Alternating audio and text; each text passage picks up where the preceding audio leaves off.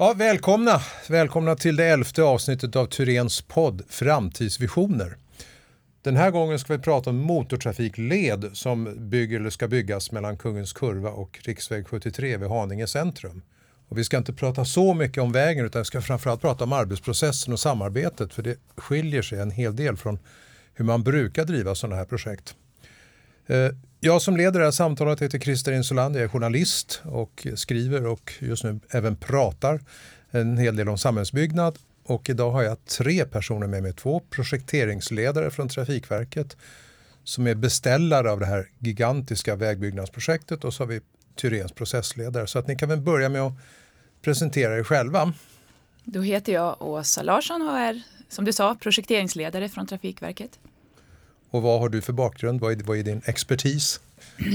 Ja, jag jobbar ju mestadels med stora projekt. Jag kommer från Förbifart Stockholm-projektet och varit där i samma roll som jag är nu, projekteringsledning. Och innan dess eh, var jag några år på Citybanan. Så att de större projekten, det, det verkar vara där jag fastnar. Skiljer de sig från varandra mycket? De stora projekten, ja, de här. Eftersom du har jobbat med liknande projekt. Ja, stora projekt generellt har ju sin komplexitet och det är liksom, jag tror att man, är man en stora projektmänniska så ja, man, då trivs man nog i den, i den miljön om man säger så. Så att de har mycket gemensamt, snarare så. Ja, mm med varje år sin egenhet. Vi ska prata lite mer om det. Precis. Anders? Eh, ja, Anders Wermelin heter jag och är också, som du sa, projekteringsledare i det här uppdraget. Har ett förflutet sedan drygt 20 år tillbaka som projektör och uppdragsledare i, hos projekterande konsult och i, och i större infrastrukturprojekt. Sedan 2007 projekteringsledare i projekt Citybanan och sedan 2015 projekteringsledare i det här uppdraget Tvärförbindelse Södertörn. Och ser du några stora skillnader mellan de här olika stora projekten? Varje, var, vart och en av de här stora projekten har stora utmaningar och det finns stora skillnader i det. Absolut. Tack. Och så har vi Victoria Ljungberg här från Tyrens. Vad är du bra på? Ehm, ja, men precis. Jag är, ehm, har en bakgrund från entreprenörssidan faktiskt, från Skanska innan jag började på konsultsidan. Då. Eh, och eh, har jobbat mycket med projektledning, uppdragsledning på, på Tyrens.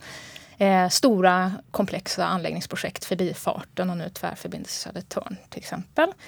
Och eh, det som är specifikt kanske inom det här projektet då, det är just det du kallar för processledning. Som handlar om hur vi driver arbetet, projekteringsprocessen på ett effektivt sätt. Mm.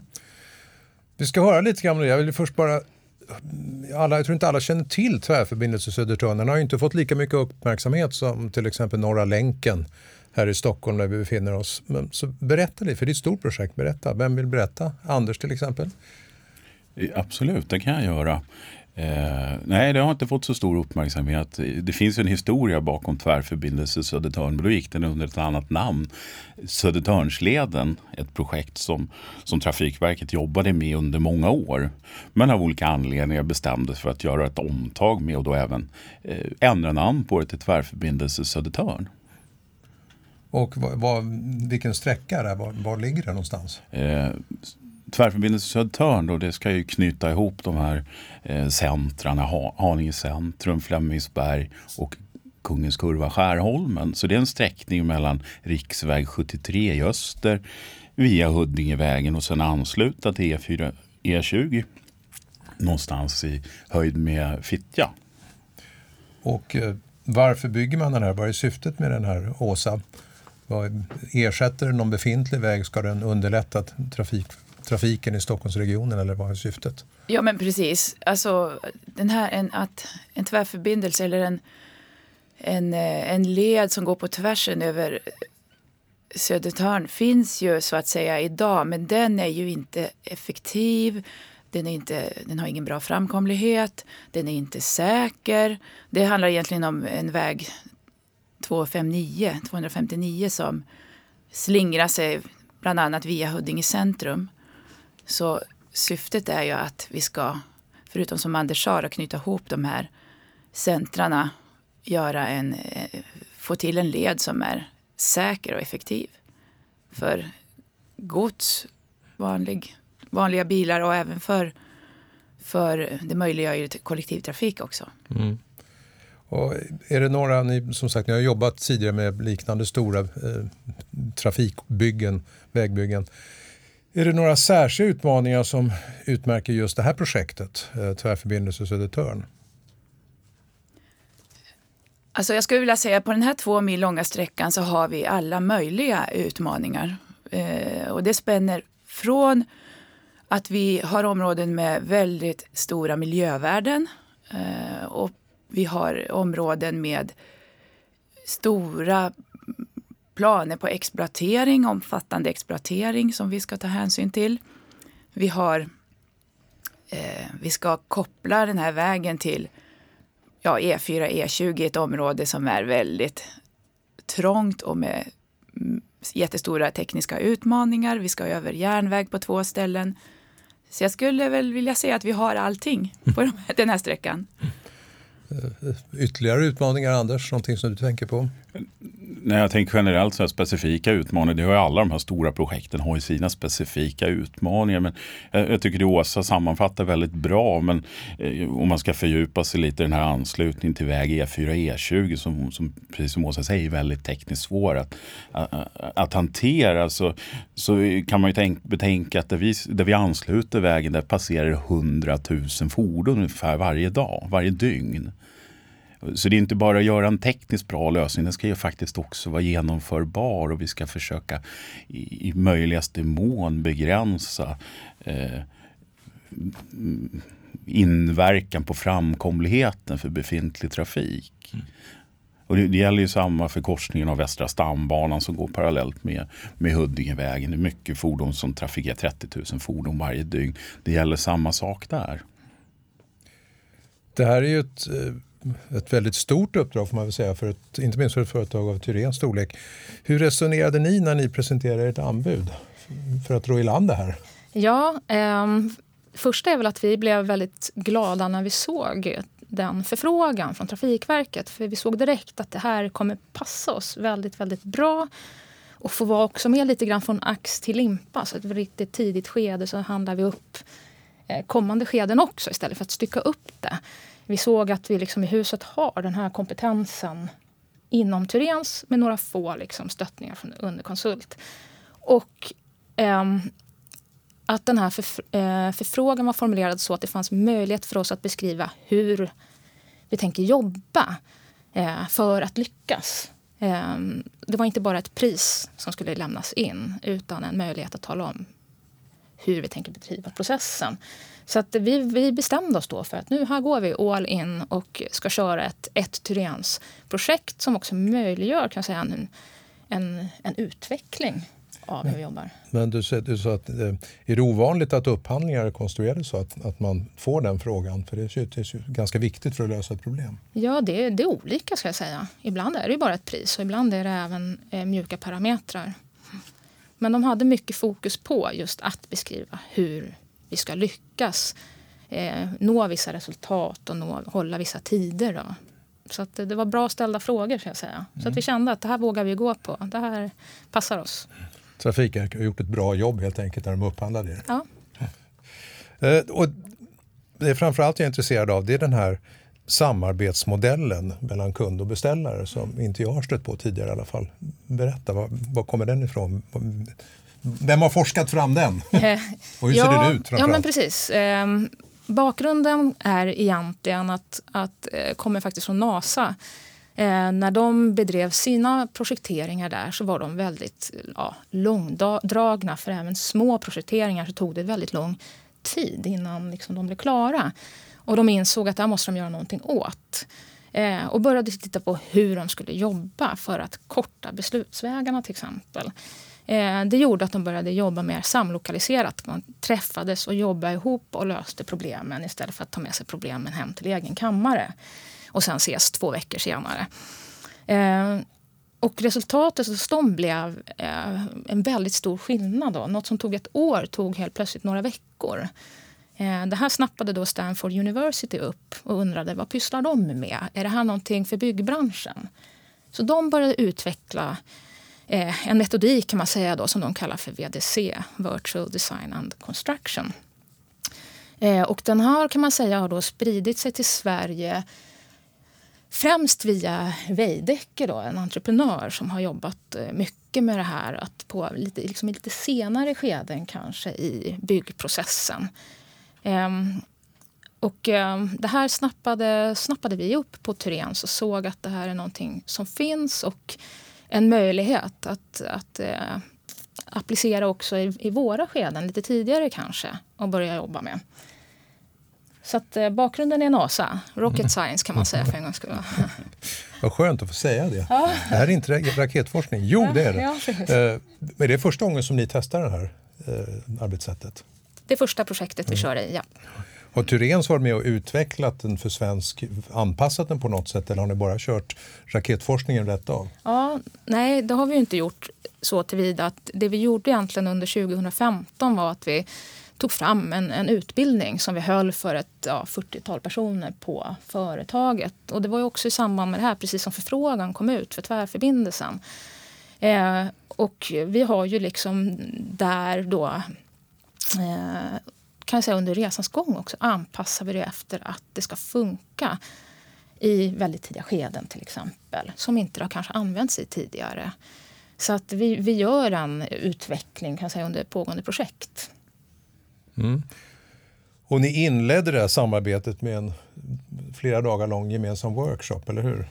Vi började väldigt tidigt, precis som du säger, med att ha, ha, ha en workshop med två dagar då, eh, i, redan i planeringsskedet tillsammans med Trafikverket och alla deras specialister för att försöka enas, liksom, ha en gemensam målbild för projektet och eh, eh, också kunna ha en gemensam tidplan som vi, som vi tror på.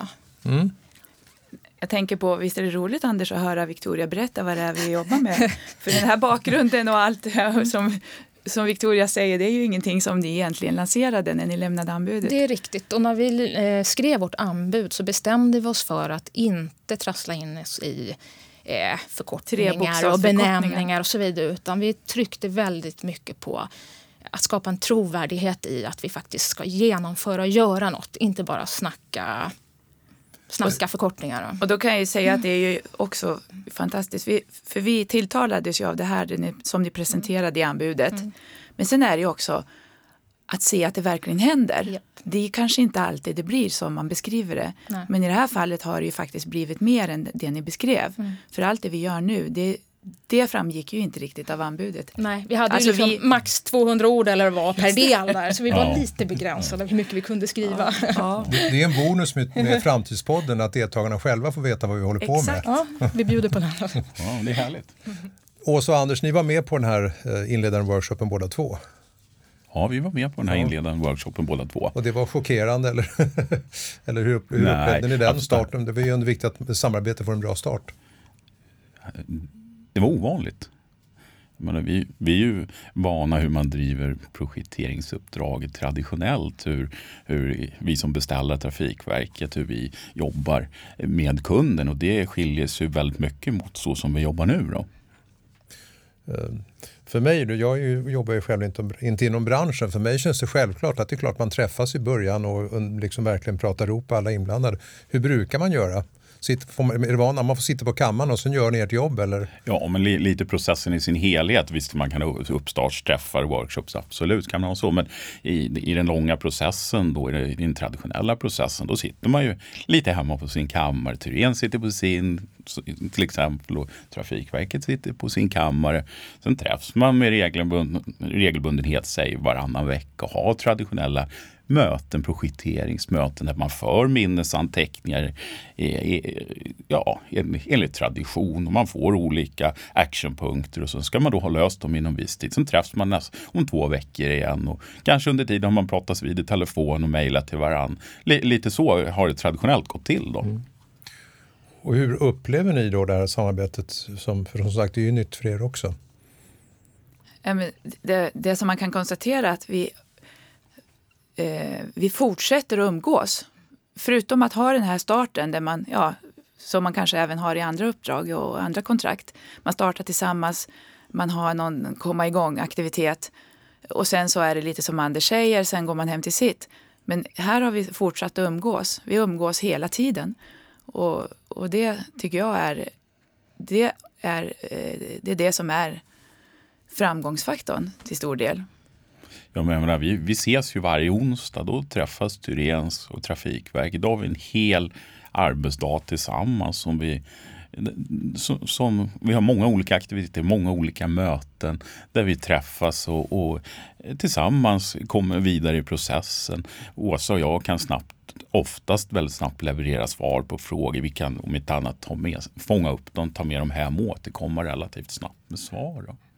Jag förstod av Victoria här att de här onsdagsmötena, det är inte så att det står någon och sen får någon protokoll och, och mejlar runt utan det jobbar lite annorlunda. Berätta. Ja men precis. Ehm, vi kan säga, det krävs ganska mycket jobb för att få de här arbetsmötena att bli bra. Som kanske inte syns som man tänker på. Så som processledare så använder man ju liksom dagarna innan arbetsmötet till att se till att, att det ska bli ett bra arbetsmöte. Eh, och precis som du säger, vi har skrotat vissa saker, protokoll och sånt. Eh, utan jobbar lite, lite annorlunda. Och en typ dag är ju att vi samlas gemensamt allihopa, en timme kanske. Eh, där vi har gemensamma frågor och sånt. Och eh, då har vi inte ett gammalt mötesprotokoll som vi då tittar på utan det vi gör istället är att eh, vi tar upp vår, vår gemensamma plattform, då, vår SharePoint-lösning som vi jobbar i och går igenom Eh, ja, har det kommit nya frågor? Har vi svarat? Trafikverket eller vi själva svarat på frågor som finns? där? Eh, har vi fattat några beslut som vi behöver informera hela gruppen om, till exempel?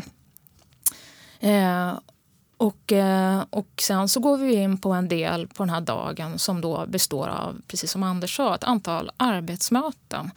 Och eh, där strävar vi efter att de här ska ha ett tydligt syfte. Eh, och det är väl en resa vi gör kan säga. Vi har kommit, vi kommer längre och längre där med att lyckas med det också det finns en frågeställning, det finns ett problem och efter mötet så ska vi ha ett svar på det helst. Ehm, det är lite, lite tänket. Inte att jag tar med mig de här frågorna hem och väntar på ett protokoll som kommer om två veckor. Utan vi försöker lösa det där och då och se till att bemanna upp så att rätt personer är där som faktiskt också kan lösa problemet. Då. Ehm, och sen så ehm, när, när dagen närmar sig sitt slut, då, vid tre på eftermiddagen, då återsamlas vi fångar upp om det har fattats några beslut, kommit några nya frågor som alla behöver känna till. Eh, och sen jobbar vi gemensamt med att definiera vad gör vi fram till nästa vecka eller om kanske två veckor. Vilka besked behöver jag inom min teknikkompetens för att komma vidare? Vad ska jag leverera till någon annan? Eh, och det gör att vi också redan har sett ja, alla har sin att göra-lista klar när dagen är slut. Vi har börjat sätta agendan redan för nästa möte. Och allt det här eh, dokumenteras i vår SharePoint då, i olika fråga-svarslistor och en kort sammanfattning av dagens möte då, som kommer direkt där och då är vi klara. Det låter ju som om det kräver ett ganska stort engagemang, inte minst från beställaren jämfört med den traditionella samverkansformerna. Hur, hur upplever ni det? Hur, hur, ser rollfördelningen ut mellan Trafikverket och Tyrens? Ja, vi har ju, Anders och jag, vi är där. Vi är stadiga deltagare från Trafikverket, från beställarsidan, varje onsdag och hela dagarna. Alltså vi är med.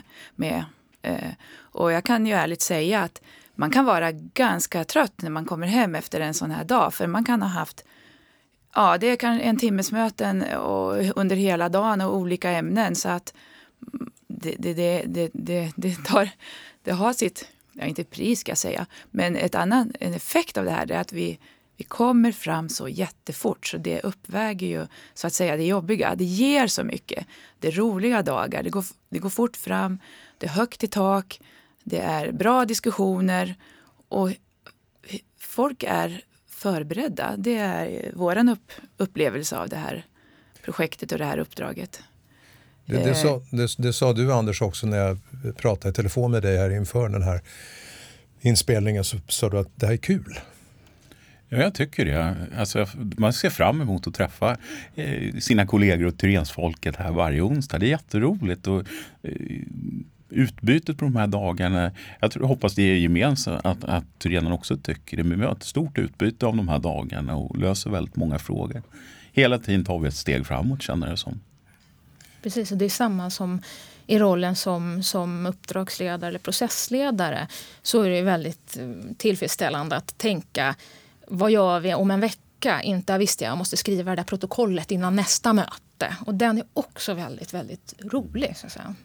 Och sen? Och, och sen är det som du var inne på Victoria, det, är, det här är ju ingenting som händer av sig själv. Det här kräver nästan minutiös planering och det är ju från båda parter. Vi hjälps ju åt med den planeringen. Vilka frågor har vi nu? Vad behöver vi ha möten om? Och det är ju förberedelse och efterarbete och en vecka går ganska fort. Det är onsdag hela tiden och mellan de onsdagarna så ska man hinna lämna vissa besked. Anders och jag går hem och tar reda på saker vi behöver svara på. Eh, vi ställer frågor, vi följer upp. Ni jobbar hos er så att det är, det är ganska högt tryck hela tiden. Och det upprätthålls ju också av att man har träffar varje vecka. Det finns ingen chans att slappna av här. Men resultatet blir ju bra också. Anders? Jag tänker så här att vi det har ju tagit också en stund innan vi har kommit hit fram innan man ska säga, maskinet, maskineriet är så väloljat som det är. Och det får man ju tacka processledaren. Det händer inte bara av sig själv som Åsa säger. Utan när vi började med de här mötena då var ju vi som beställare ovana. Jaha, hur blir det här nu? Hur, hur, hur, ska det här gå till? Och jag kände även att många medarbetare på Turens, det här var nytt för dem också. Eh, och de kände sig lite osäkra i hur det här skulle gå till. Men nu har vi jobbat fram eh, en i en process. Då, så att vi har ett arbetssätt som funkar otroligt bra. Det är att känna att alla är bekväma i den rollen de har och i det här arbetssättet. Ja, men det är riktigt och det är som säger, det var inte nytt bara för er utan även för oss. Och att vi fick ändå utrymme att göra det här. Och det som vi har fått kämpa rätt mycket med är också till exempel det här med ja, visuell planering. Att man som teknikansvarig måste liksom vara väldigt tydlig med och lova ett visst datum ska jag leverera någonting. Och ett visst datum behöver jag någonting. Ja, och där har vi varit envisa och vi ger oss inte. Vi ska köra våra eh, visuella planering för det ger så pass mycket. Och det känns också som, precis som du säger, det här har vi, ja, det börjar bli flyt i det nu. Och, och sen den visuella planeringen innebär ju de facto, rent praktiskt så står man framför en stor vägg med massa lappar. Och det är ju någonting speciellt med det där att man ska inför hela gruppen tala om vad man ska leverera och vilka besked man behöver. Det blir väldigt tydligt för alla. Och, och, och det också gör ju att ja, man vill ju liksom inte stå där och säga att man inte har levererat. Och det vill inte vi från Trafikverket heller. Vi vill också hålla våra datum som, som finns där på den här planeringsväggen. Så det, vi har en viss effekt. Precis, och det är väldigt lätt att hamna i att kanske som processledare börja sätta, hjälpa folk att sätta de här lapparna. Och det är vi väldigt noga med att inte göra. För att just skapa engagemanget, involveringen. Jag ansvarar. Men, men hur, hur, hur, ser då så att säga, relationen, men det är ju beställare och naturligtvis leverantör, men hur ser relationen ut? Du, du berättade Åsa, när jag pratade med dig förut, du sa att ni de curlande föräldrarna, det tyckte jag var en bra metafor. Ja, men lite så. Vi har pratat internt hos oss på Trafikverket hur vår roll är i det här. Och man har det nog, mm, man måste ha det i bakhuvudet. Det är ett kontraktsförhållande vi har. Så att vi, men det tycker jag ändå att vi har hamnat, vi har, vi har hittat den rollen att agera och det är precis så det är. Vi ska hjälpa Tyrens att få en bra resa. Vi ska hjälpa dem så gott vi kan att kunna leverera till oss. Så, och då är det ju eh, väldigt eh, eh, stor del i det här att kunna lämna snabba besked. För det är frågor hela tiden och Tyrens behöver svar. Så att det är väl en, en, en... Där vill vi ha lite hög svansföring. Vi försöker att, att vara en beställare som lämnar snabba besked. Finns det några fallgropar eller risker med det här arbetssättet som någon av er upplever? Ibland blir det går ju väldigt fort. Och det skulle ju kunna vara en risk att man ibland kanske inte hinner ha den reflektionen över olika beslut man tar. Eh, hittills har jag inte känt det, men det skulle kunna vara en risk att man inte hinner reflektera alltid. Eh, man har inte den tiden på sig för det förväntas att vi levererar beslut väldigt fort. Och sen, ja. och sen skulle man ju även kunna hamna i en fälla att vi som beställare går in och arbetsleder mm. Tyrens organisation. Och det hoppas jag att ni, Victoria, säger till om vi mm. börjar göra det. För sådana tendenser ska vi ska inte ha. Den rollen är inte våran. Det är er uppgift att arbetsleda er organisation. Ja men precis. Men jag tycker vi har den öppenheten så att jag förutsätter att det inte kommer vara något problem faktiskt. Ja, där har vi diskuterat en del om OSA internt, hur vi ska agera på de här mötena. Mm. Just för att inte vi ska hamna i det där att vi börjar styra och ställa i detaljer. Nej. Vi är ju där för att curla som, som mm. vi har sagt tidigare. Och, och det, är ju... det är lite vår roll. Sen har ni, sköter ni arbetsledningen. Precis, och det är ju konsultens roll att föreslå saker om man ja. säger så också faktiskt. Så att, mm. Men det, det, du sa också att, att det går väldigt fort. Och jag har förstått att, att det här är en väldigt tajt tidplan, eller hur? Absolut, det är en tajt tidplan. Och om man drar lite kort om tidplanen då så startade ju arbetet med den här lokaliseringen hösten 2015. Och då är ju planen sen att vi sätter spaden i jorden för det här projektet 2020. Och på den tiden, man kan ju tycka att det är en lång tid och fram till 2020, men då är det väldigt mycket som ska hända. En ganska lång formell process där vi nu står inför ett skede att ta fram en vägplan under ett par års tid här. Och sen ska den då processas eh, med kommuner, med Länsstyrelsen, internt i Trafikverket. Den ska fastställas av Trafikverkets planprövning. Och sen ska vi då ta fram ett förfrågningsunderlag. Vi ska ta fram en bygghandling så att vi, vi kan bygga det här också. Sätta spaden i jorden 2020. Hade ni fixat den här tidplanen med om ni hade jobbat på ett mer så konventionellt kundbeställare sätt? Tror du? Spontant svar nej. Vi hade inte varit där vi är idag på den här tiden. Det är väl ungefär ett år sedan vi satt, träffades första gången. Ja. Och nu sitter vi med tre konkreta alternativ och har kommit väldigt långt med dem. Mm. Och det är väl lite det som är utmaningen även framöver. För att vi, nu växlar vi upp. Det här har ju ändå varit den lilla fasen kanske. Eh, att... Eh, att klara av att hålla det här eh, tempot. Då. Och det gör att vi vet ju, vi vet ju vilka tider vi har att förhålla oss till. Och det gör att vi behöver jobba med vilken nivå kan vi ligga på i det vi gör. Vi kan bara göra rätt saker. Vi har inte, vi har inte råd att liksom lägga tid på någonting annat. Då. Och vad, vad, säger du Victoria, ser du några fallgropar eller risker med det här arbetssättet? Um, jag kan säga att det bygger ju otroligt mycket på att alla parter är liksom med på det. Eh, är det någon av parterna som inte är med på det här arbetssättet så kommer det falla. Har vi till exempel en beställare som inte vill lämna besked eller en leverantör som inte liksom, ja, klarar av att hålla vad de lovar och definiera vad de behöver för besked, då blir det besvär. Men det blir besvär i alla projekt om det är så. Men, men jag skulle säga man måste inleda med att ha den här gemensamma starten och som vi gjorde på Turens, vi på något sätt skrev ett kontrakt på också i gruppen. Hur ska vi bete oss och vara på de här arbetsmötena? Vi måste få med oss folk i det. Då. Eh, så, och att närvaro. Eh, väljer folk att inte komma dit, då faller det också. Men det som är bra i det här är att det blir väldigt, väldigt påtagligt också när någon som borde vara där är, inte är där. Så att det kommer tillbaka sen när vi utvärderar dagen eller processen. Att frånvaro av någon har liksom försämrat resultatet av dagen. Då. Ja. Eh, vad, vad, tror du då den här ganska oprövade raketforskningen är nu som vi sysslar med. Är det här framtiden för Tyrens och för marknaden i stort att man kommer att arbeta på det här sättet? Um. Eller, är det, eller är det vissa typer av projekt som det lämpar sig bättre för än andra?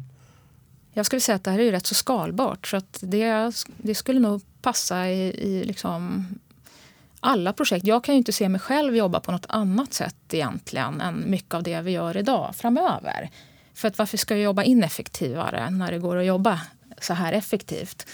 Um, och jag tror absolut att det är framtiden. För jag tror inte på att vi kommer ha en kund som vill betala oss för ju fler timmar vi lägger i ett projekt. Utan förhoppningsvis liksom att vi får betalt för ett resultat som vi levererar. Då. Så det hoppas jag i framtiden i alla fall. Och då är vi ju rätt ute. Och vad, vad säger ni på trafik, Trafikverket? Kommer det att vara ett skallkrav i era kommande upphandlingar? Att man ska arbeta enligt den här metoden som ni just fått veta vad den heter? Ja, eh, alltså det beror, det beror på skulle jag vilja säga. För att det, det, det är ju förutom Anders och jag så har vi två projektledare och man kan ju säga att vi är en grupp på fyra som jobbar heltid med det här projektet. Så att det, det, det kräver sin beställarorganisation också för att möta, svara upp mot leverantören Tyréns i det här fallet då, behov. Eh, så att eh, man ska ha de resurserna. Det, det är en insikt som Trafikverket också måste ta till sig om man vill gå in i de här, den här typen av, typen av sätt att jobba. Ja, det... Skallkrav, det, det är väl svårt att säga att, man, att det skulle kunna bli. Det är svårt att sitta och säga här, men, men det jag tänker spontant det är ju ändå att man, Victoria nämnde det här med mjuka parametrar i en upphandling. Så, och att man som konsult ska kunna beskriva hur man tänker jobba på ett effektivt arbetssätt. Det, det väl, ligger väl nära till hands att man skulle kunna lägga in en sån parameter i en upphandling. Mm. Till sist bara innan vi rundar av här hur, hur går det? Hur fram, håller vi ekonomi och tidplan och hållbarhet? Och, ja, hur, hur framskrider projektet? Anders? Ja, jag kan, kan väl, om vi pratar, pratar tid, och vi började som jag sa tidigare i hösten 2015 med det vi kallar för lokaliseringsfasen och lokaliseringsutredning. Den skulle vara färdigställd nu i hösten man ska vara formellt då den sista oktober i höst. Och där ligger vi väl i fas med tiden. Jag tror till och med att Thyréns har aviserat att kunna leverera slutprodukten då två veckor tidigare. Och när det gäller ekom ekonomi då så ja, det har det har gått väldigt bra. Och jag tror det här effektiva arbetssättet det, det speglar sig i ekonomin också. Eh, Thyréns håller sig under, under den budget, den riktkostnad som vi har definierat tillsammans. Då. Och klarar man det så finns det ju också morötter som Trafikverket då kommer att eh, betala ut i form av bonusar om man klarar att hålla sig under budget. Mm. Vad bra. Tack för att ni kom hit alla tre och tack ni som lyssnade. Nästa gång så ska vi prata om ett jättespännande internationellt forskningsprojekt som heter ESS och ligger i Lund. Eh, men vi återkommer om det. Tack för idag. Hej! Hej då! Hej då!